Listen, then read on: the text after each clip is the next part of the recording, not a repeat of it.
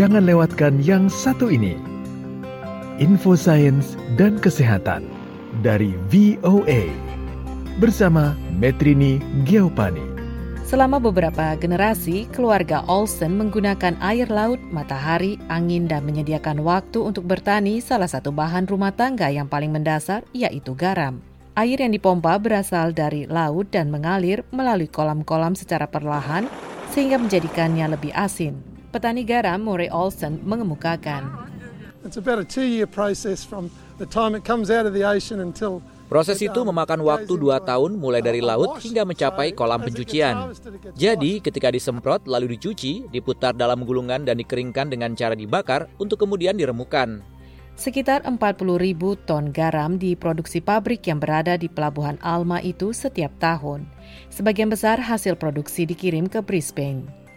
Hasil produksi itu dicampur, dipres, dan kemudian dikirim ke sejumlah peternak dalam bentuk balok garam untuk diberikan kepada ternak selama musim kemarau dan menambah zat-zat mineral.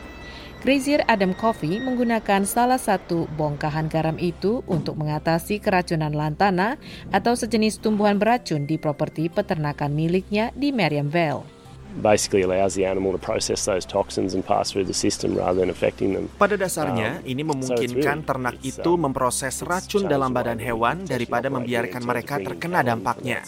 Jadi, ini benar-benar mengubah cara kita beroperasi di sini terkait dengan membawa sapi-sapi dari luar peternakan. Perusahaan itu juga mengembangkan produk garam yang lebih elegan untuk santapan yang mewah. Rangkaian produk sajian makanan telah menarik perhatian beberapa kuliner elit Melbourne. Chef Ian Curley menggunakan garam tersebut di restoran miliknya. Oh. Jika Anda bertanya kepada 100 orang dari mana garam ini berasal, mereka akan menjawab, ah, supermarket. Tapi bagi saya sendiri yang pernah ke Wayala di Australia Selatan dan di Queensland, sebenarnya itulah tempat mereka memproduksi garam itu.